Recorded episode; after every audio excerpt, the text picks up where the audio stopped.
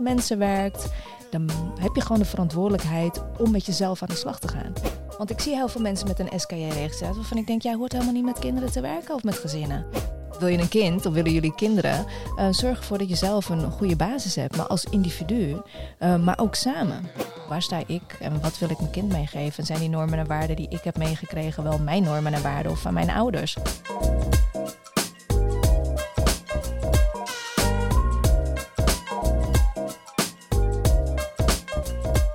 Welkom tot de podcast De Vergeten Groepen, waarin we ons voornamelijk richten op de jongeren en hun ouders met verschillende belangrijke onderdelen van opvoeden en ontwikkelen. Parenting. Dit relateren we dan aan de maatschappij, hoe ze zich heeft ontwikkeld en hoe die zich zal kunnen ontwikkelen en wat wij eraan kunnen doen. En vandaag ben ik de gast bij Marie-Lis de Jong, directrice van EQ Fit Kids BV en EQ Fit Academy in Purmerend. En eigenlijk ook online heb ik ook al gezien. Dus eigenlijk overal. Ja, wat houdt het eigenlijk in? EQ uh, Fit Academy en hoe is het begonnen? Kan je er iets over vertellen? Zeker, zeker. Dankjewel voor de uitnodiging. Ja, uh, dat ten eerste. Um, nou ja, ik, ik weet niet of de naam eigenlijk helemaal goed is, want wij doen eigenlijk veel meer dan het EQ. Um, ehm, de EQ staat natuurlijk voor de emotion, uh, emotionele quotient. Um, eigenlijk zijn we ook, ook heel erg bezig met het FQ, het fysieke quotient. Um, daarnaast ook ja, met het SQ. Nou, dat staat vaak voor het spirituele. Alleen um, zien wij dat echt als patronen. Dus hoe gezinsdynamieken ontstaan, hoe de patronen daarin ontstaan en hoe we die kunnen blootleggen. En uiteindelijk wordt het allemaal geïntegreerd in het IQ. Dus uh, eigenlijk zijn dat de vier delen waar we altijd uh, mee werken. Ja, mooi. En, maar jullie doen echt heel veel voor scholen, voor, voor leerkrachten, voor jeugdzorg. En je hebt ook evenementen die je organiseert. Zeker. Ja. Ja, ja, En wat doe je eigenlijk specifiek voor scholen? Um, ik denk dat het heel uh, uh, het leukste is voor scholen. Ik werd even afgeleid. Siri. De serie ja, altijd. Siri, ja, joh, ja, die, die, komt ja. die, altijd wil, op- die wil meedoen. Ja. Altijd, Ja. altijd. Ik zal er even iets verder weg leggen, Ja. zodat ze steeds afgaat. Ehm, voor het onderwijs vroeg je eens later, toch? Ja, ja, ja, Ja, ja, ja, maar ook voor, voor, de, voor de scholen eigenlijk, eh, wat je en voor leerkrachten. Ja. Ja. voor de scholen doen we eigenlijk verschillende dingen. Dus eh, we zijn daar sowieso ook bezig voor de leerkrachten. Want ik vind het echt onwijs belangrijk. We blijven mens. Ehm, dat ze eigenlijk echt op een goede manier leren reguleren. Want heel vaak als wij dus op school komen... of we nemen een gymklas over om een pilot te draaien... of om les te geven... ehm, ja, dan ga ik eigenlijk meteen met de deur in huis vallen. Dan is het ook vaak dat leerkrachten naar me toe komen van ja, sorry, maar de pilletjes zijn uitgewerkt, vaak de laatste lesuurtjes. Uh, dus het kan zijn dat uh, Pietje en Jan uh, heel erg druk zijn, want dan is het uit, uitgewerkt. Nou ja, dan krijg ik al vaak een beetje allergie. Dan zeg ik ook mensen, nou weet je, ga jij maar gewoon zitten. Ik zeg, en dan gaan we gewoon kijken wat er gebeurt. En um, dan doen we ook vaak de les. En dan zijn dat vaak meestal de jongens of de meiden die mijn ambassadeurs worden. Want ik heb geen oordeel. En ik reguleer heel anders. En weet je, je stapt er heel open in. En dan zie je eigenlijk ook wat er met de dynamiek van een klas gebeurt. Dat we eigenlijk heel erg met een oordeel vaak de klas binnenstappen. En eigenlijk overal, als je ook kijkt naar organisaties of wat dan ook. We hebben altijd wel oordeel over iemand of een gevoel bij iemand. Um, maar wat er eigenlijk onbewust gebeurt, is dat die persoon dat gewoon oppikt. En zich ook daarnaar gaat gedragen. Want dat is eigenlijk onze eigen weerspiegeling. En um, wat er eigenlijk dan ook vaak gebeurt met een leerkracht die zoiets zegt, of ervaart of voelt, of moeite met de klas. Um, dan kunnen ze ook echt gaan zitten en juist gaan observeren en de kinderen op een andere manier gaan zien weer. En, en ik vind dat dat een van de belangrijkste dingen is, zeker binnen het onderwijs. Um, omdat ze niet alleen het grootste gedeelte thuis zitten en met de gezinspatronen en dynamieken bezig zijn, maar ook um, je leven afhangt van wat voor leerkracht um, er voor een klas staat. Want dat is ook heel erg belangrijk. Want je zei net iets over reguleren.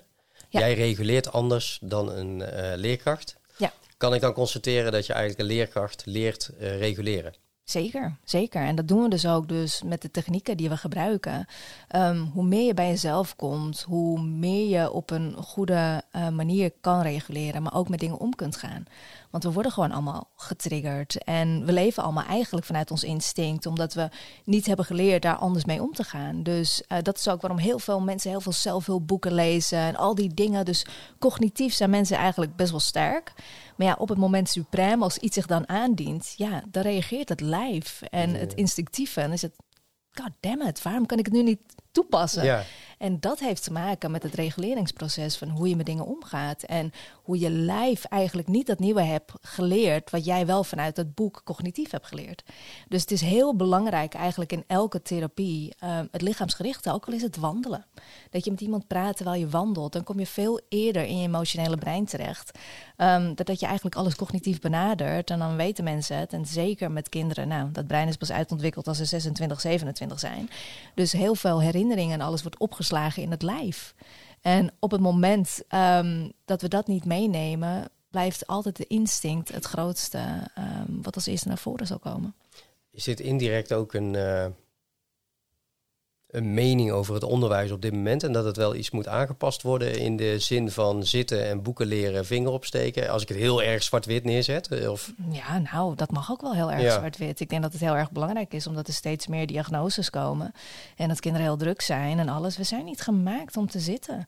We zijn gemaakt om te bewegen. En we zijn gemaakt om juist, um, um, als, je, als je kijkt dat als we nu ook hier stilzitten en straks komen misschien in een topic bezig waar we um, ons in geraakt voelen, um, dan gaat ons lichaam automatisch bewegen. En waarom? Omdat je iets ervaart en doet. En um, energie is energy in motion. Het moet bewegen. Maar op het moment dat we stil blijven zitten, en dat is dus wat al die kinderen moeten doen, terwijl ze al die kleine kindjes kunnen over het algemeen nog niet reguleren, dat moeten ze van de volwassenen nog leren. Ja, dan gaan ze bewegen. Want denk, hey, ik voel iets, ik begrijp niet wat ik voel. Um, wat moet ik hiermee? En dan heb je vaak de leerkracht zegt, nou, blijf eens even stilzitten. Of uh, doe eens even rustig, of wat dan ook. Dus dan stagneert het ook in dat lijfje.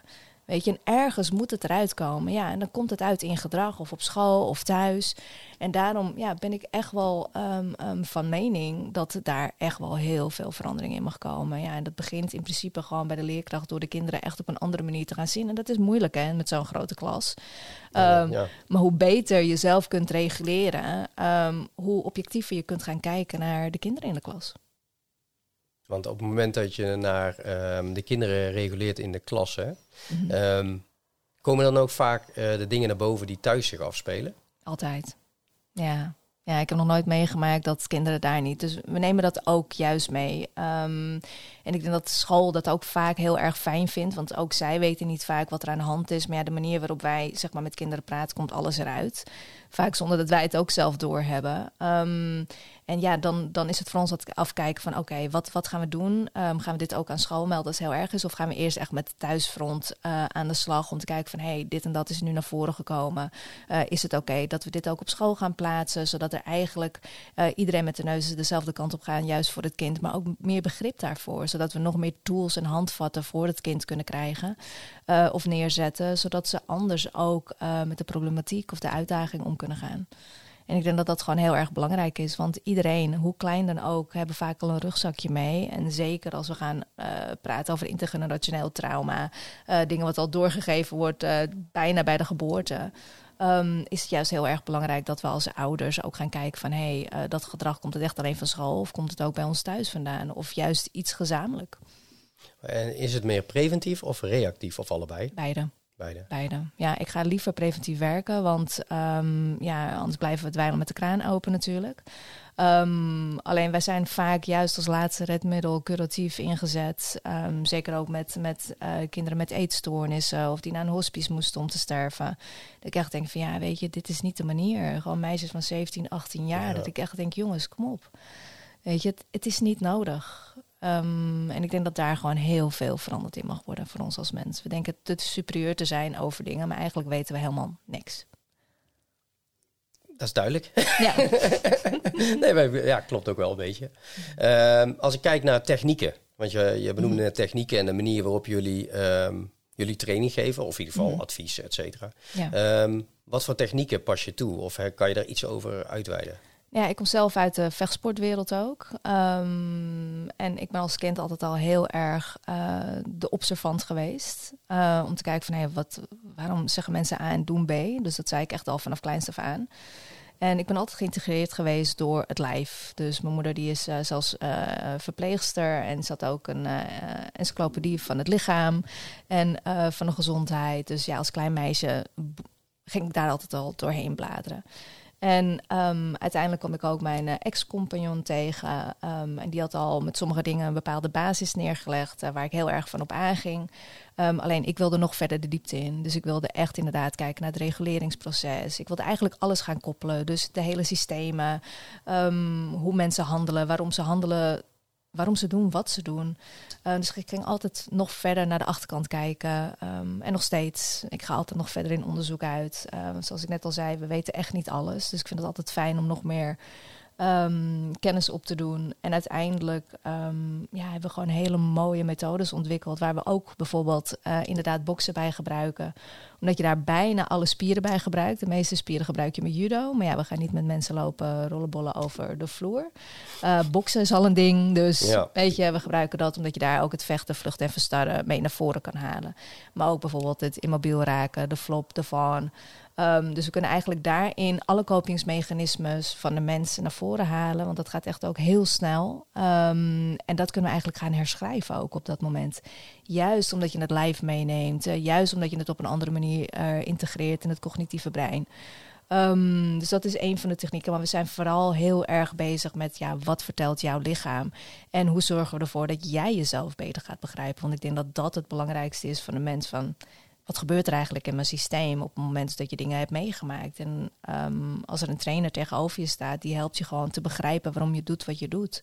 Zodat je ook veel aardiger naar jezelf kunt gaan kijken. Um, want mensen zijn gewoon te streng voor zichzelf. En vaak nemen we ook gewoon de stem over um, van iemand die niet echt heel aardig tegen ons is geweest. Of het nou een ouder is, of een zus, of een broer, of een leerkracht, of uh, een wildvreemde op straat. En vaak nemen we, als we dat niet verwerken, die stemmen over in ons hoofd. Dan gaan we dat geloven. Doe je ook uh, training met boksen uh, met gezinnen samen? Ja.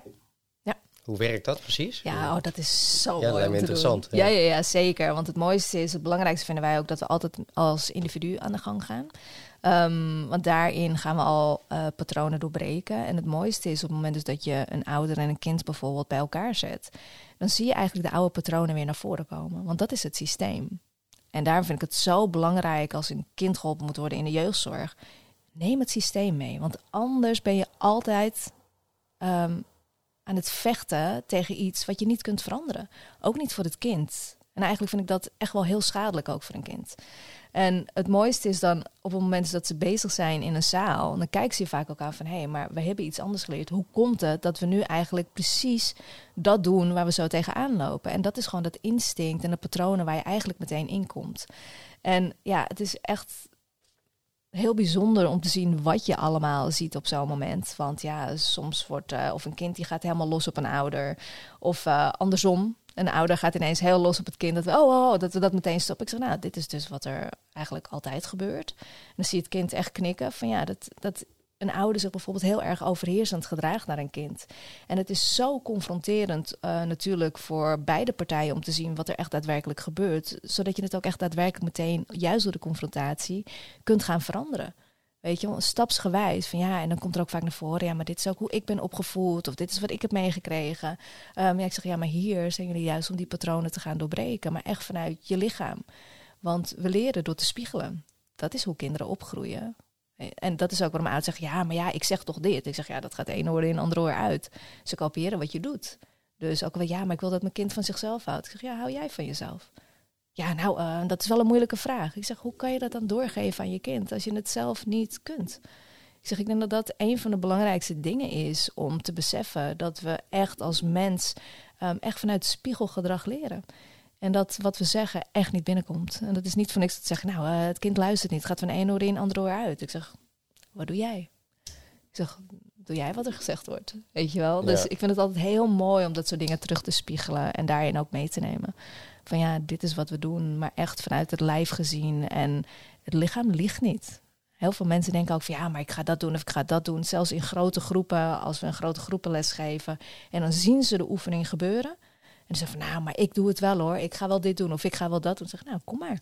Weet je wel, doe het maar voor. Nou ja, dan zie je zoveel dingen in het lijf gebeuren en dan doen ze het helemaal niet. Want het lijf neemt het over. Nou, dat is zo'n confrontatie voor de mensen dan daarna durven mensen ook heel vaak niet. En van oké, ik hou mijn mond wel, want blijkbaar de persoon die het zei, lukt het ook niet. En dat is gewoon echt waarom het lijf echt nooit liegt. Want die vertelt echt zijn hele eigen verhaal. En dat is dat lichaamsbewustzijn. En ik denk dat we daar als mens veel meer over uh, of op mogen gaan richten. Want als je als ouder meer bewust bent van dit, deze feiten, dan kun je je kind ook beter helpen of in ieder geval ondersteunen. En, zeker. Ja. Ja, zeker. En dat is gewoon echt jezelf eerst leren begrijpen, voordat anders kan je je kind ook niet compleet begrijpen. Nu is het zo dat ik, uh, ik heb in het begin van het jaar heb ik een cursus gedaan, zeg maar. Mm. was eigenlijk vorig jaar in november, heb ik drie maanden bij de Gouden L. Uh, was gewoon om je passie te vinden. Ik mhm. twijfelde een beetje of hetgene wat ik deed qua werk, of ik dat nog wel leuk vond in een commercieel, want ik heb een commercieel beroep. Mhm. Um, ik vind dat nog steeds heel leuk trouwens, hetgene wat ik doe, maar het commerciële aspect is nooit het belangrijkste voor mij geweest. Maar ik heb dus drie maanden heb ik die cursus gedaan. En daar kwam dus naar boven zoiets van eigenlijk iedereen wilde coach worden. En wat vond ik nou de meest interessante doelgroep? Nou, dat lijkt me wel duidelijk, anders zou we hier niet zitten. Ja, ja, ja. ja, ja. Door, anders dan, ja. ja. Maar goed, dus op een gegeven moment, toen um, een van de opdrachten was uh, om een, ja, een kind te vinden die ik dan kon ondersteunen en waar ik mee kon praten. Dus ik dacht van, nou ja, ik ga de scholen ga ik benaderen. Mm -hmm. En een van de dingen, ik heb vijf scholen gebeld.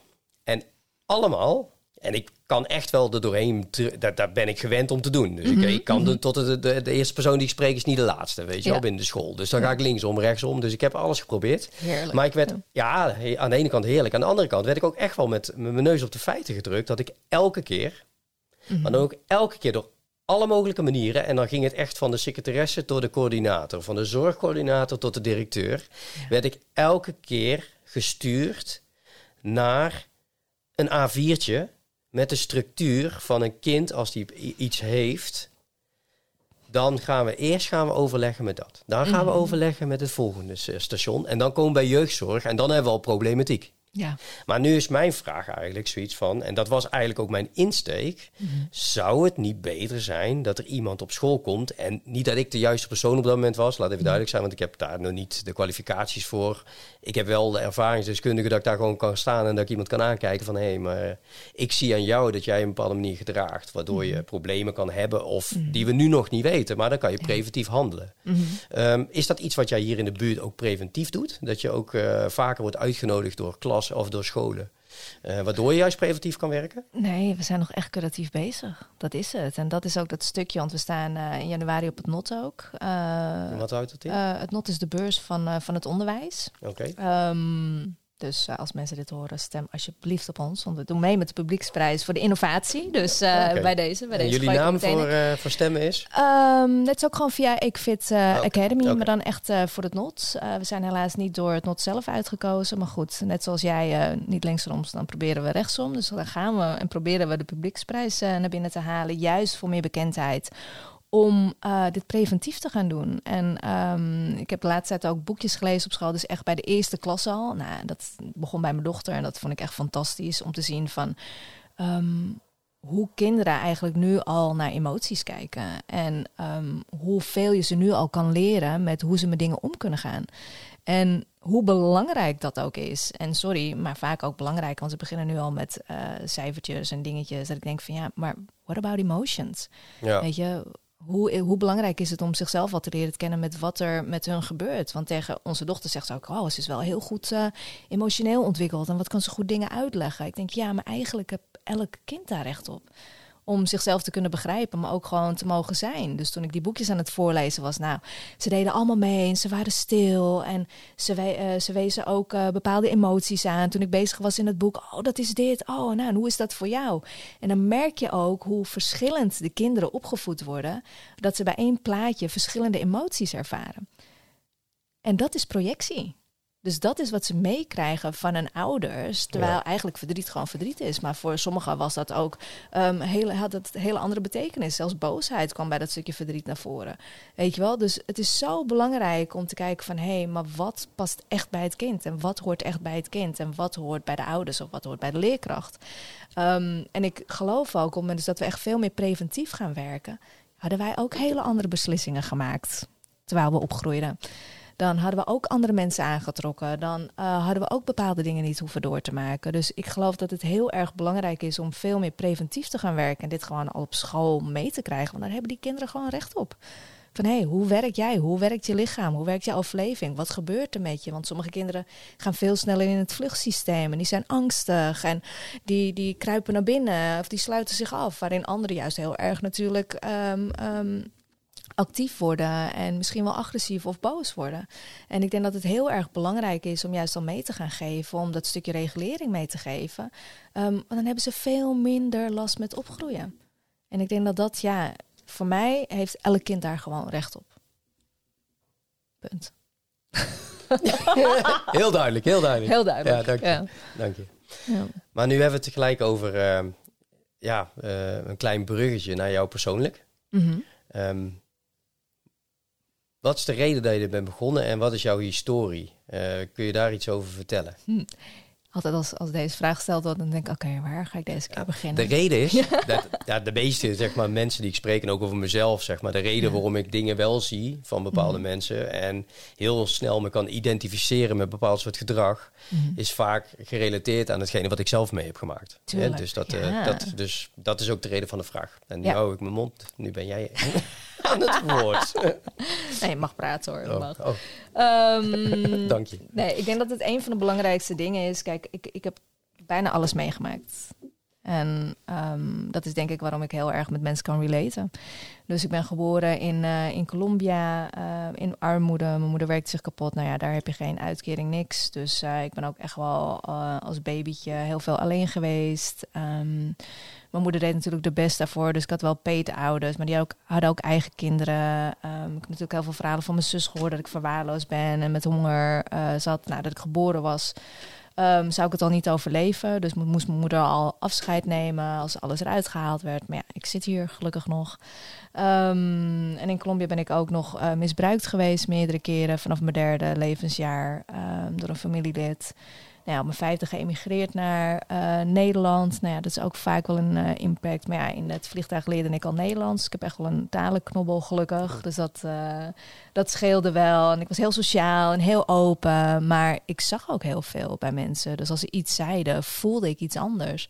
En dat zei ik ook altijd tegen mijn moeder. Maar ja, mijn moeder die was heel erg afgesloten. Ook die generatie. Ook heel veel verschrikkelijke, verschrikkelijke dingen meegemaakt.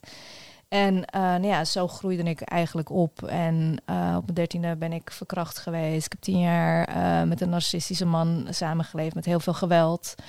Um, um, ook meegemaakt. Um, jeetje, wat heb ik nog meer? Af en toe vergeet ik gewoon alles wat ik heb meegemaakt mijn vader, mijn biologische vader, is overleden toen ik negen was. Het is nog steeds de vraag of hij vermoord is of dat hij zelfmoord heeft gepleegd. Hij is, uh, was vroeger paramilitair en bij het SWAT-team gezeten in, uh, in uh, Frankrijk.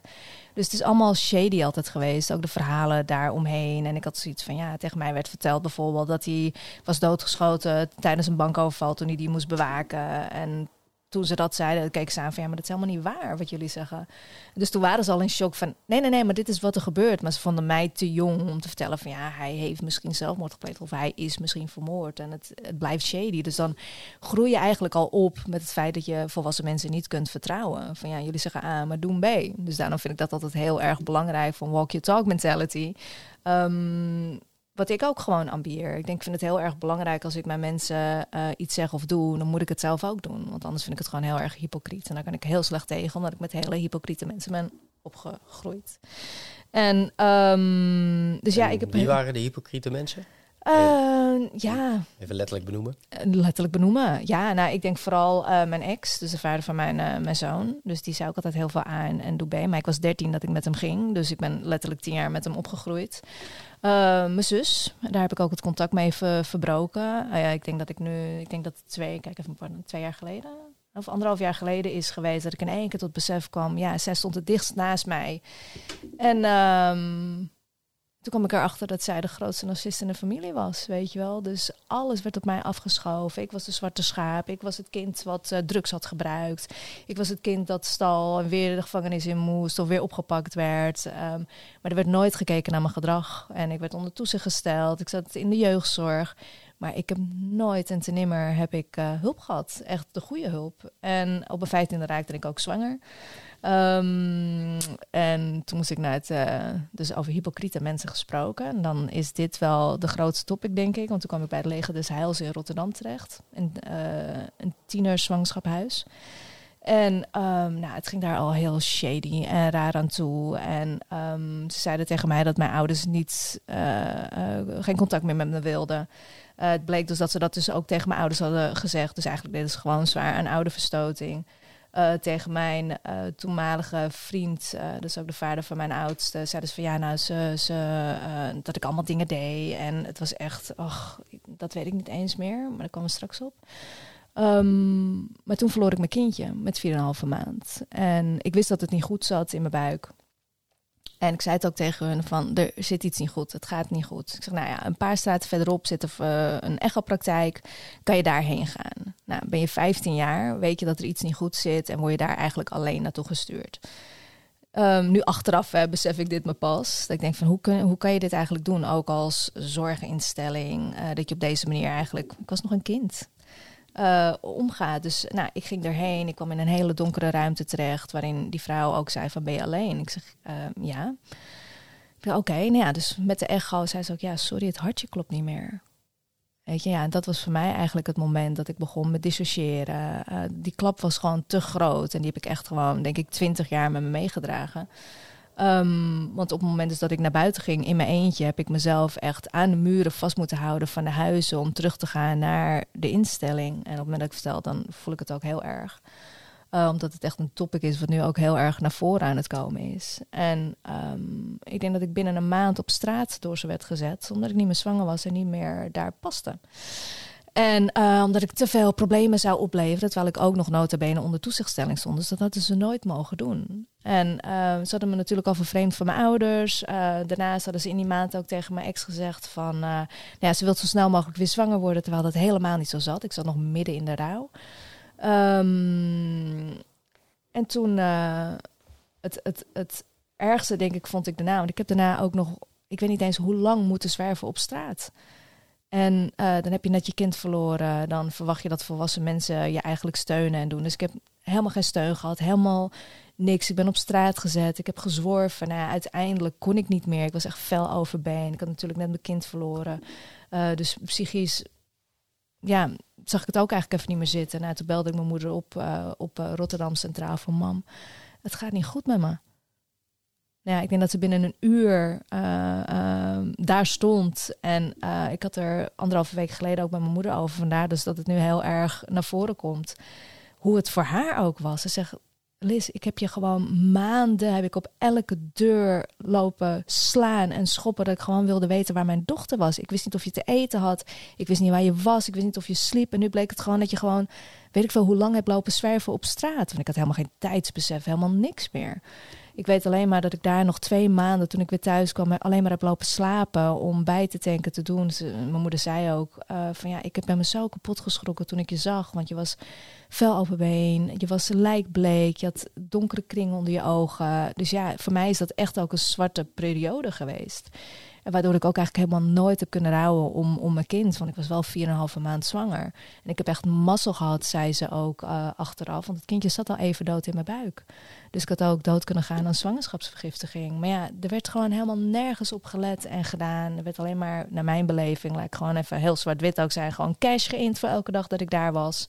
Ja, en op het moment dus dat ik eigenlijk niet meer in die gradatie viel van een tienerzwangerschap uh, die hulp nodig had, uh, word je gewoon weggebonjourd.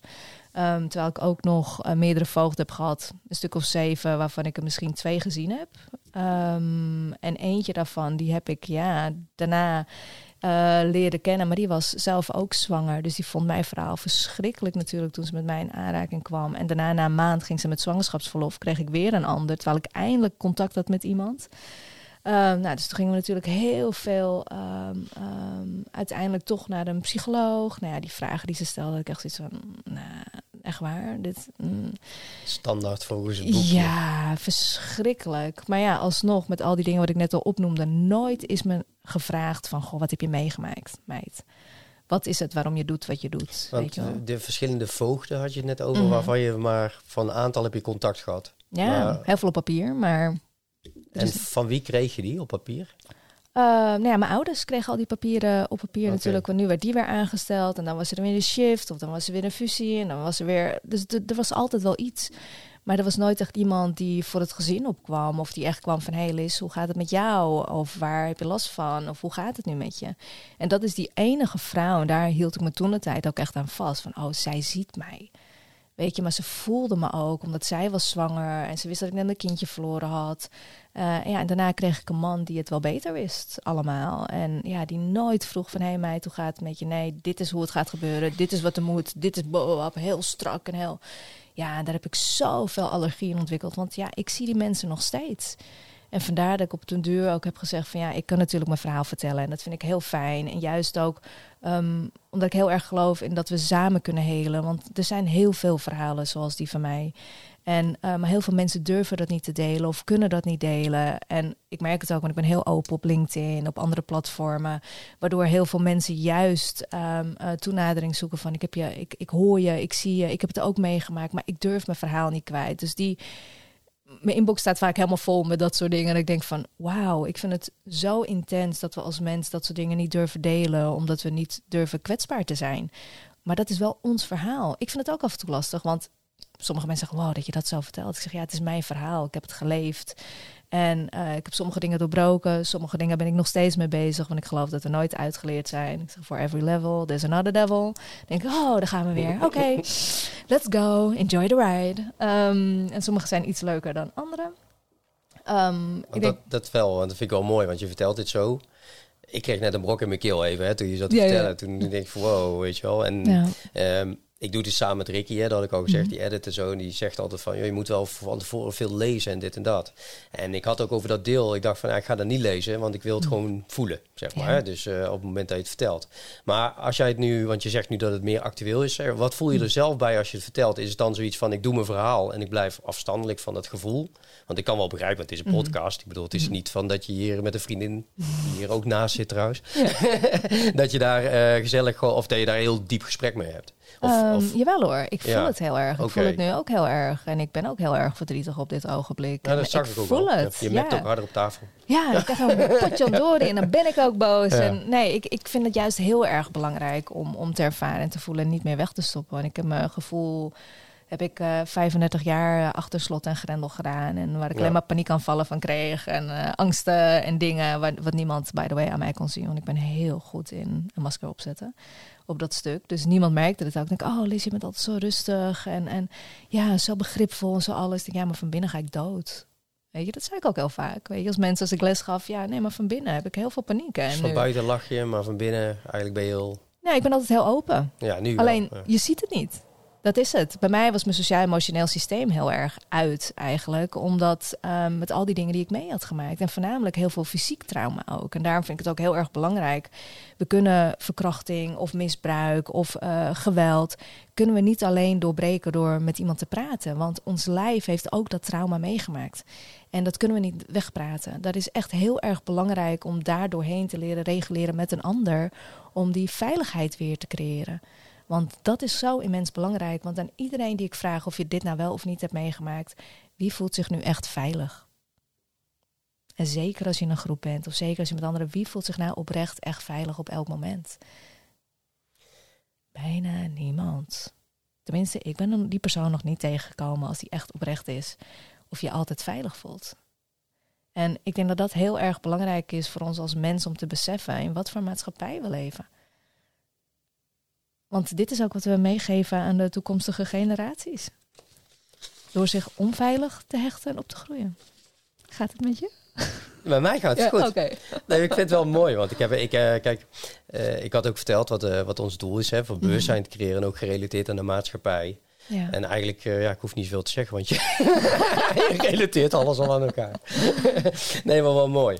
Nee, dat is ook een beetje waar wat je, wat je nu ook heel erg merkt, hè, we zitten op dit moment in een situatie van extreme, noem ik het. Hè, mm -hmm. voor, tegen. En oh, die is er altijd geweest. Hè. Die is er altijd geweest. Hè. Alleen ik denk dat er ook een transitie op dit moment gaande is.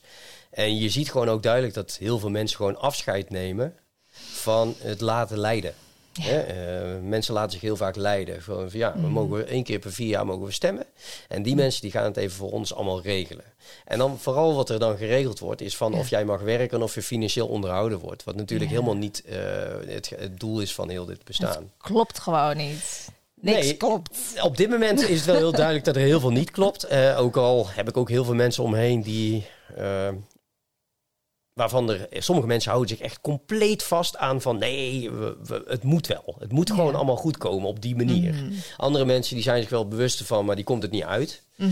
Nou, ik, ik zit in een derde groep dat ik het donders goed weet en dat ik wel iets eraan wil doen, maar toch wel toch nog steeds kies voor de veiligheid op de een of andere manier. Mhm. En heb je de anderen die natuurlijk eh, helemaal compleet naar de reptielen en heel de rambam gaan, wat, wat, wat ik allemaal prima vind, weet je wel, alles mag. Ja. En, eh, maar dat vind ik wel heel interessant, zeg maar, om dat, om dat, eh, Maar, om dat maar te ervaren op deze is er manier. niet nog een groep dan? Daar, daar beschouw ik mezelf Oh, onder dan. Oké, eh, wat, wat, Nou ja, ik, ik denk dat het heel erg belangrijk is. Kijk, de meeste mensen weten eigenlijk vanuit gevoel hoe ik in heel veel dingen sta. Want ik spreek me echt niet over alles uit. Niet over de corona, niet over al het beleid, niet over die dingen. ook geen nut. Ik heb in mijn leven nog nooit gestemd, omdat ik daar gewoon niet in geloof. Weet je wel. Dus ik zie jou. Eh, ik, stem ook niet meer. Maar nee, nee, nee. Ja, ja, ik heb nog nooit gedaan, omdat ik daar gewoon echt niet in geloof. Ehm, nou ja, en nu komt dat eigenlijk een beetje naar buiten ook. Als ik denk van, nou ja, ik heb het ook nooit gevolgd. Omdat ik net bij de Tweede Kamer zat, dacht ik ook van... Oh, interessant om hier te zitten. Oké, nou, leuk. Ehm, Want daar zat je voor? Ehm daar zat ik ook met allemaal jeugdwerkers om te kijken van goh, hoe kunnen we de kinderen eh, en de jeugdigen helpen die met criminaliteit te maken hebben. Want dat is natuurlijk ook heel erg hot topic op het ogenblik. Ja, daar heb ik natuurlijk ook mijn mening over. Ehm, maar ik denk dat we gewoon het hele beleid en systemen moeten veranderen om daadwerkelijk ook verandering in te kunnen gaan zien. En dat is gewoon veel meer kennis over andere dingen en niet meer dezelfde paden bewandelen wat we nu nog steeds blijven doen. Weet je wel, nog steeds dezelfde dingen in de zorg. eh, nog steeds ook met de jeugdmedewerkers. Om te kijken van, goh, ehm, weet je, we moeten niet meer praten, maar we moeten echt gaan doen. Want echt letterlijk, letterlijk in beweging komen. Letterlijk nieuwe bewegingen daarin doen. Dus ehm, En wat voor bewegingen? Ehm, juist om te gaan kijken van hoe kunnen we de mens gewoon dichter bij zichzelf laten staan. En zeker, ik denk dat het een must is. En ik zeg niet snel moet, maar dit moet. Als je met mensen werkt, dan heb je gewoon de verantwoordelijkheid om met jezelf aan de slag te gaan. En om jezelf diep in de ogen aan te gaan kijken. ehm, om daadwerkelijk te gaan voelen wat je voelt. Heel veel mensen voelen niet eh, oprecht. Of, Of die bang. gaan weg. Of die Ja, zijn bang voor een gevoel. En tuurlijk, en dat snap ik, want het is hartstikke eng. Weet je, ik vond het ook hartstikke eng. Alleen, ik denk dat het heel erg belangrijk en zeker als je met kinderen werkt, dan heb je gewoon de verplichting om jezelf diep in de ogen aan te gaan kijken van oké, waar sta ik? Ehm, wat heb ik meegemaakt? Ehm, wat zijn mijn filters? Ehm, hoe reguleer ik? Eh, hoe sta ik in het leven? Wat zijn mijn overtuigingen? Eh, op welke manier stap ik een zaal in of een kamer in waar een kind zich bevindt? Want hoe voel ik me op dat moment en hoe voel ik me op het moment dat ik bij dat kind ben? Ehm, want dan leer je gewoon veel beter te onderscheiden wat van jou is en wat van een kind. En dan kan je ook gewoon veel meer met een oordeelloze blik gaan kijken naar de persoon. In plaats van jouw filters eh, daarin mee te nemen. Want ik heb zoveel medewerkers al gehad eh, die de trainingen dus zijn doorgegaan. Die zeiden van, oh, ik had sommige casussen zo anders ehm, eh, aangevlogen op het moment dat ik nu wist wat ik nu weet. Ik zeg, ja, maar dit is het ook. Precies dit stukje is het. Dus je kan, sorry, naar mijn beleving heel makkelijk een SKJ-registratie krijgen. Maar je weet niet wat voor per- persoon er achter die SKJ-registratie zit. En dat is wat ik ook in de Tweede Kamer heb gezegd. En dan zit je in de Tweede Kamer Ja. tegenover mensen die eigenlijk liefst alleen maar willen handhaven wat er is. Want dan kunnen ze blijven doen wat ze deden. Ja, precies. Ja. Maar ik vind het zo belangrijk. ehm, want ik zie heel veel mensen met een SKJ-registratie. waarvan ik denk, jij hoort helemaal niet met kinderen te werken of met gezinnen. Ik zeg, waar is de mens? Weet je wel, natuurlijk is dat een heel hard systeem geworden. waarin we aan protocollen moeten voldoen en aan dit moeten voldoen. En a lot of money. Echt, want daar ben ik ook echt wel van geschrokken. Want wij werken ook voor gemeentes. En wij halen echt niet, want sommigen zeggen ook van ja, maar je moet daar meer voor vragen. Ik zeg, maar als ik niet meer nodig heb, waarom moet ik dat doen? Ik zeg, want dan ben ik alleen maar het systeem aan het voeden. Kijk, ik doe het zodat die gezinnen geholpen kunnen worden, omdat ze het zelf niet kunnen financieren. Ja, de gezonde balans tussen idealen en tussen eh, Precies. inkomen. Ja, Precies. Die moet er zijn, ja. Precies. Ja. En niet alleen maar van hé, hey, daar valt heel veel geld te halen. Eh, laten we dat nemen, want dat is wat er continu in, die, in dat systeem gebeurt. Dus het gaat ook vaak naar de grootste partijen. Zie je, altijd op goede momenten komt ze weer.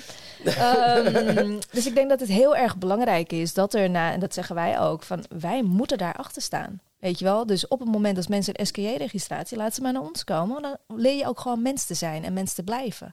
Ik heb hier ook artsen uh, en kinderartsen die zeggen van ja, wij worden gewoon gedrild om niet meer te voelen. En soms is dat ook nodig, hè? want die verhalen zijn schrijnend wat je hoort af en toe van, van kinderen. Alleen als we die menselijkheid uitzetten, dan kunnen we niet die diepgang en die verbinding opzoeken wat een kind ambieert en wat hij nodig heeft. Dus hoe kan het dat we een systeem blijven volgen en volharden terwijl die al heel lang niet meer werkt. Want we worden alleen maar zieker. Kinderen die krijgen gewoon um, um, ouderdomsziekte nu. Um, weet je, we gaan eigenlijk steeds meer naar een bepaalde afgrond, naar mijn beleving. Uh, in plaats van dat we naar boven gaan. En is het dan ook niet zo'n beetje zo? Want kijk, we, we hebben het nu allemaal om de. we hebben het over heel veel verschillende onderwerpen. Mm -hmm. uh, die ook gerelateerd zijn natuurlijk aan de ouders. Mm -hmm. Want wat ik het meest stugge vind, is eigenlijk... Ja, maar als je het over ouders hebt, zeg mhm. maar... Hè, de ouders wil je, je... Ja, je eerste taak als je een kind hebt, zeg maar... is zorgen voor het kind. En ik ben ervan overtuigd dat ook 80% 90% misschien wel veel meer. Ik hoop zelfs 99 procent. Mhm. Het beste voor heeft en alles over heeft voor, uh, om zo goed mogelijk voor het kind te zorgen. Zeker. Maar toch handhaven we heel veel dingen dat we weten van, hey, wat moeten we hiermee met deze onzin? Mm net zoals we, net, we hadden het net over preventief werken. Mm wat is de reden waarom ouders niet gewoon tegen scholen zeggen, joh, we willen gewoon dat er preventief tijdens scholen, uh, tijdens klassen worden mhm. gekeken. Want als bijvoorbeeld Jantje, als het slecht gaat met Jantje, dan gaat het ook slecht met mijn Marietje. Zeg ja. maar. Ik zeg oh ja, en die worden getraumatiseerd ook door Jantje. Ja. Ja. Nee, daarom. Dus dat heeft allemaal invloed op elkaar. Zeker, zeker. Maar ik, ik geloof eigenlijk dat het al begint op het moment dat mensen met elkaar overeenstemmen van wij willen een kind krijgen. Ik denk dat daar de verantwoordelijkheid al ligt. Want het begint al op het moment dat een vrouw zwanger is. Uh, als die innesteling begint. Weet je wel, dan beginnen alle patronen, alle verantwoordelijkheden. Um, dan beginnen al de, de, uh, het hele hormoonhuishouding van, van de moeder, van de stress die ze uh, heeft, misschien in de zwangerschap, tot aan de bevalling aan toe. Daarin gebeurt al heel veel. Waar eigenlijk nog heel veel onbewustheid op zit. Um, en daarom willen wij daar ook een project voor maken. Juist van oké, wil je een kind of willen jullie kinderen? Uh, zorg ervoor dat je zelf een goede basis hebt, maar als individu, uh, maar ook samen. Weet je, want er zit ook heel veel in heel veel relaties zit er een afhankelijkheidspositie. En ik denk dat dat heel erg belangrijk is. Dat je echt vanuit um, je hart samenkomt. En niet vanuit een pijnlichaam. Oh, jij hebt dat meegemaakt. Oh, ik heb ook meegemaakt. Oh, laten we in dat stuk verbinden. En op het moment is dat één persoon dat verwerkt. Uh, ja, dan gaat de andere er verder aan trekken. Ja, en dat is waarom mensen vaak uit elkaar gaan. Omdat we daar niet meer over kunnen praten. Want die andere wil door. Die andere blijft gestagneerd. Um, en, en ja, dat blijft ook maar, zeg maar, doorgaan. En we krijgen veel meer kinderen met gescheiden ouders ook daardoor. En ik geloof dat er veel meer is wat we eigenlijk als mens mogen gaan beseffen. En zeker als ouders zijnde. Van, goh, um, waar sta ik en wat wil ik mijn kind meegeven? En zijn die normen en waarden die ik heb meegekregen wel mijn normen en waarden of van mijn ouders? En wat geef ik mijn kind mee? Um, ik zeg ook altijd, uh, kinderen komen door ons, ze zijn niet van ons. Weet je wel, ze zijn een eigen individu met een eigen karakter, met hun eigen dingen. Soms tot frustraties aan toe. Uh, ik heb zelf ook twee. Ik denk van, oh ja. Mm. Maar, zou, adem. maar zou het eigenlijk geen optie zijn? Hè? Want je hebt, uh, als, je, als je zwanger raakt, dan krijg je mm. ja, bevaltraining. Of, hoe noem je het eigenlijk? Ik ben even de naam kwijt. Gewoon maar, zwangerschapstraining. Oh, dank je, dank je. Ja, maar zou het ook geen optie zijn om dat daarin mee te nemen? Zeker. Van nu word je ouder. Oké, okay, wat ja. houdt het eigenlijk in? En om ja. in dat proces gelijk te reflecteren. Want het, ja. dan neem je het gelijk samen. Want het gaat vaak om uh, hoe je moet puffen. En, uh, en hoe je. Ja, maar het gaat eigenlijk niet om van oké, okay, maar wat doet het eigenlijk met je? Ja, niemand kan je daarop voorbereiden. Niemand. Ook puffcourses niet. Tuurlijk heb je dan even wat handleidingen hoe je met dingen moet doen. Maar je weet nooit wat er um, in de bevalling gebeurt. Weet je wel? Dus er zijn heel vaak dingen waar ze niet. Um, uh, waar we niet op voorbereid zijn. Ja. Weet je wel, en sommige dingen weten we, uh, maar kunnen we ons in principe ook gevoelsmatig niet op voorbereiden. Ik denk alleen dat het wel heel belangrijk is, hoe meer jij je lichaam kent, uh, hoe beter je juist op dat soort dingen kunt anticiperen en doen. Ik denk dat, dat, dat daar de sleutel ligt tot heel veel dingen. Dus, oh ja, dit is wat ik eigenlijk doe op het moment dat dit gebeurt. Ja, dat vind ik gewoon lastig. Oh ja, in plaats van mezelf af te straffen, zie je, nu doe ik het weer. Van, oh, hey, volgens mij uh, mag ik even wat dieper ademhalen, weer in contact komen met mezelf. Ik kom zo even terug en dan... Uh, dat, is, dat, is, dat is eng. Mm -hmm. Ja, is het ook. Maar waarom is het eng? Doordat je gewend bent om aan de buitenkant gehard te zijn en eigenlijk de interne kant je eigenlijk je gevoel zoveel mogelijk naar achteren schuift, want dan ben je kwetsbaar. Mm -hmm. En waarom doen we dat? om jezelf te beschermen. Maar dat is denk ik ook wel een beetje hoe je in het systeem bent opgegroeid. Maar is dat niet een illusie? Want Ja, we worden allemaal gekwetst. Bullshit. Ja. Eh, onzin. Sorry. Nee, nee, maar het is nee, het zo. is bullshit. Dat is het. Heel veel dingen is gewoon een illusie in hoe we zijn opgevoed. En dat is de hele maatschappij. En daarom is het van belang om te gaan kijken naar het individu. Van hé, hey, maar wie ben jij? Weet je, wie is Stijn? Wie ben je? Waar sta je voor? Weet je wel? en ook, ja, kijk, dat is het een van de enige dingen die ik, eh, omdat ik altijd bezig was met, eh, met het allemaal perfect te doen. Mhm. Nou, laat even duidelijk zijn. Ik ben een, iemand van extreme, dus ik doe het Mhm. gewoon en weet ik wat. Dus dat Mhm. komt ook voor dat ik ook daardoor, ja, iedereen maakt fouten.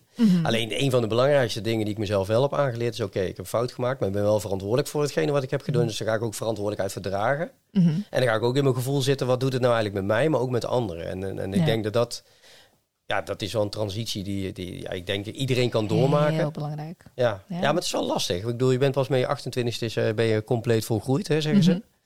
Ja, Dan begint ook- het. Ja, dan begint het pas, weet je wel. Want dan word je pas echt, Ja. eh, dan ben je ineens de verantwoordelijke. Maar je wordt eigenlijk al verantwoordelijk geacht voor jezelf als je 18 bent. Nou, al veel eerder. Ja, Ouders die doen dat nu al als, ze als kinderen vier zijn. Ja, maar dit kan je wel. Of dit en dat. Of oh nee, je bent zo goed bezig. Dat je denkt van oké. Ehm, maar dat is, dat is de maatschappij. Maar, Prestatie, eh, ja. aha, dat Ja. is de prestatiegerichte maatschappij. Oh Ja. ja. mijn kind moet maar meegaan. Want als mijn kind niet meegaat, dan moet het naar logopedie, dan moet het naar dit, dan moet het naar dat, dan moet het naar zus. Ik denk van oh, laat het kind lekker zijn eigen tempo doen. Weet je wel, mijn kind gaat veel te snel, de jongste. Nou, de oudste ging eigenlijk ook veel te snel. eh, voor heel veel mensen. Maar ja, dat is hun tempo. Ik Ja. ging eigenlijk ook veel te snel. En daarom werd ik geremd in heel veel dingen. En ik denk dat het juist belangrijk is dat daar geen oordeel. Want sommige, dat gaat niet om snel of om langzaam. Het gaat om de persoon zelf. Als dit iets is wat goed voor hen is, die snelheid, laat ze dat lekker doen. Laat ze vooral lekker zichzelf zijn en bemin de charme van de imperfectie. Ik zeg, want ik zeg altijd, je kan maar één keer een fout maken. Als je de tweede keer hetzelfde doet, dat is een keuze. Weet je wel? Dus is een fout maken dan echt zo erg? Want daar leren we alleen maar van. Zo groeien we op. Een kind eh, die valt, die zal echt wel weer opnieuw opstaan. Want anders zal die altijd blijven kruipen. Weet je wel? Dus het is maar net Ja. hoe we naar dingen kijken en wat voor oordeel we daarover hebben. Hoe we zijn opgevoed, hoe mensen ernaar gekeken hebben. Ehm, en daarom denk ik dat het heel erg belangrijk is om gewoon naar je kind te kijken. Of naar de mensen om je heen en te zeggen van, oh, jij bent ook mens. Jeetje. Wauw. Ja, het is Ja. lastig hè, mens zijn. Mensen zijn zo gecompliceerd. We zijn net dieren. Nee, Ja, ja. Oh, net, nee, net. net, eh. Nou, we Nou, blijven dieren. we zijn precies. gewoon. Ja. Nou wil ik er één nog eh, als afsluiter, zeg maar, wil ik nog Mhm. even terug naar eh EQ Fit eigenlijk. hè.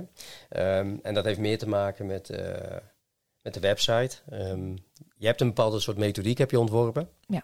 Daar kan je je bij, ja, ik noem het aansluiten of je kan die methodiek gaan volgen. Dus je hebt Mhm. partners. Mhm. Ehm, Die train je, neem ik aan. Ja. En je hebt nu al door heel het land heb je al behoorlijk wat, wat trainers. Wat is Mhm. eigenlijk je, je doel? Of heb je daarin specifiek van, joh, ik wil gewoon in elke, elke stad, elke dorp, eh, het moet gewoon Overal uitgebreid moet er worden? één zijn. Ja, nee, ja, maar bij wijze van spreken. Nee, in principe wel. Want we gaan nu ook over naar België. En eh, we krijgen al vragen vanuit andere landen ook. Ehm, dus we zijn echt wel aan het uitbreiden. Alleen nu zijn we wel tot de conclusie gekomen dat, ehm, ehm, ja, dat ik nog strenger mag zijn, eigenlijk ook met de toelatingseisen voor ons. Ehm, want zoals ik al zei, ik ben heel erg van de walk your talk mentality. En ja, voor de mensen is dat gewoon af en toe heel erg moeilijk. En we zijn altijd met onszelf in proces. En ehm, ik denk dat het heel erg belangrijk is dat wij nu ook een bepaalde maatstaf gaan hanteren aan de mensen die we ook toe gaan laten. Ehm, En wat zijn dat? Ja, ik denk dat mensen toch wel een, een soort van basis moeten hebben. Ehm, want soms hebben we gewoon te veel gedoe ook. En ehm, weet je, ik ben echt wel dingen uitgegroeid, zoals een playground op het werkveld. En, en ik zie dat overal nog gebeuren. En ik, wij staan hier met de missie. En wij staan hier om echt daadwerkelijk de wereld te veranderen. Ehm, ik ben gewoon heel ambitieus. En dat spreek ik ook gewoon uit. Ehm, omdat het gewoon moet. We hebben gewoon geen keus meer. Omdat er gewoon te veel gaande is. En mijn hart gaat echt naar de jongeren. ehm, die het nu gewoon heel erg moeilijk hebben. En zeker als je met jongeren werkt, is het gewoon heel erg belangrijk. Kijk, je hoeft niet alles opgelost te hebben. Want dat, dat is ook een illusie. Want we zijn altijd, als je wilt, ik denk dat dat het belangrijkste is, dat we als mensen open moeten staan voor juist eh, ehm, dat soort stukjes te gaan doorbreken en te doorleven en te doen. En zeker niet alleen, want het gaat gewoon niet alleen. we hebben jij, elkaar nodig. wat je eigenlijk bedoelt met de basis is dat Mm. eh, de mensen die jouw partner worden of die Mm. hier bij Zijn. jou willen uitdragen, jouw Mhm. methodiek willen uitdragen en eh, je ambitie willen waarmaken, als het ware. Dat die ook op de een of andere manier een bepaalde on-playground hebben. Eh, dat het geen playground is, bedoel ik te zeggen, maar eigenlijk meer een basis hebben waarin ze al eh, zichzelf kennen. Dus Ja. niet van, hé, hey, ik vind dat wel leuk, ik vind het ook belangrijk, maar eigenlijk moet ik mezelf nog eerst healen. En ik ga de methodiek van EQ-Fit gebruiken om mezelf te healen. Mhm. En daarna kijk ik wel. Ja, nou ja, Heel, heel keer zwart-wit misschien dat gezegd, is in precies, ja. maar dat is wat er in principe inderdaad nu gebeurt. Het is ook lastiger Ehm, als je internationaal gaat. Moet je ook, ja. dat, dat- dan kun je dat ook allemaal niet meer Precies.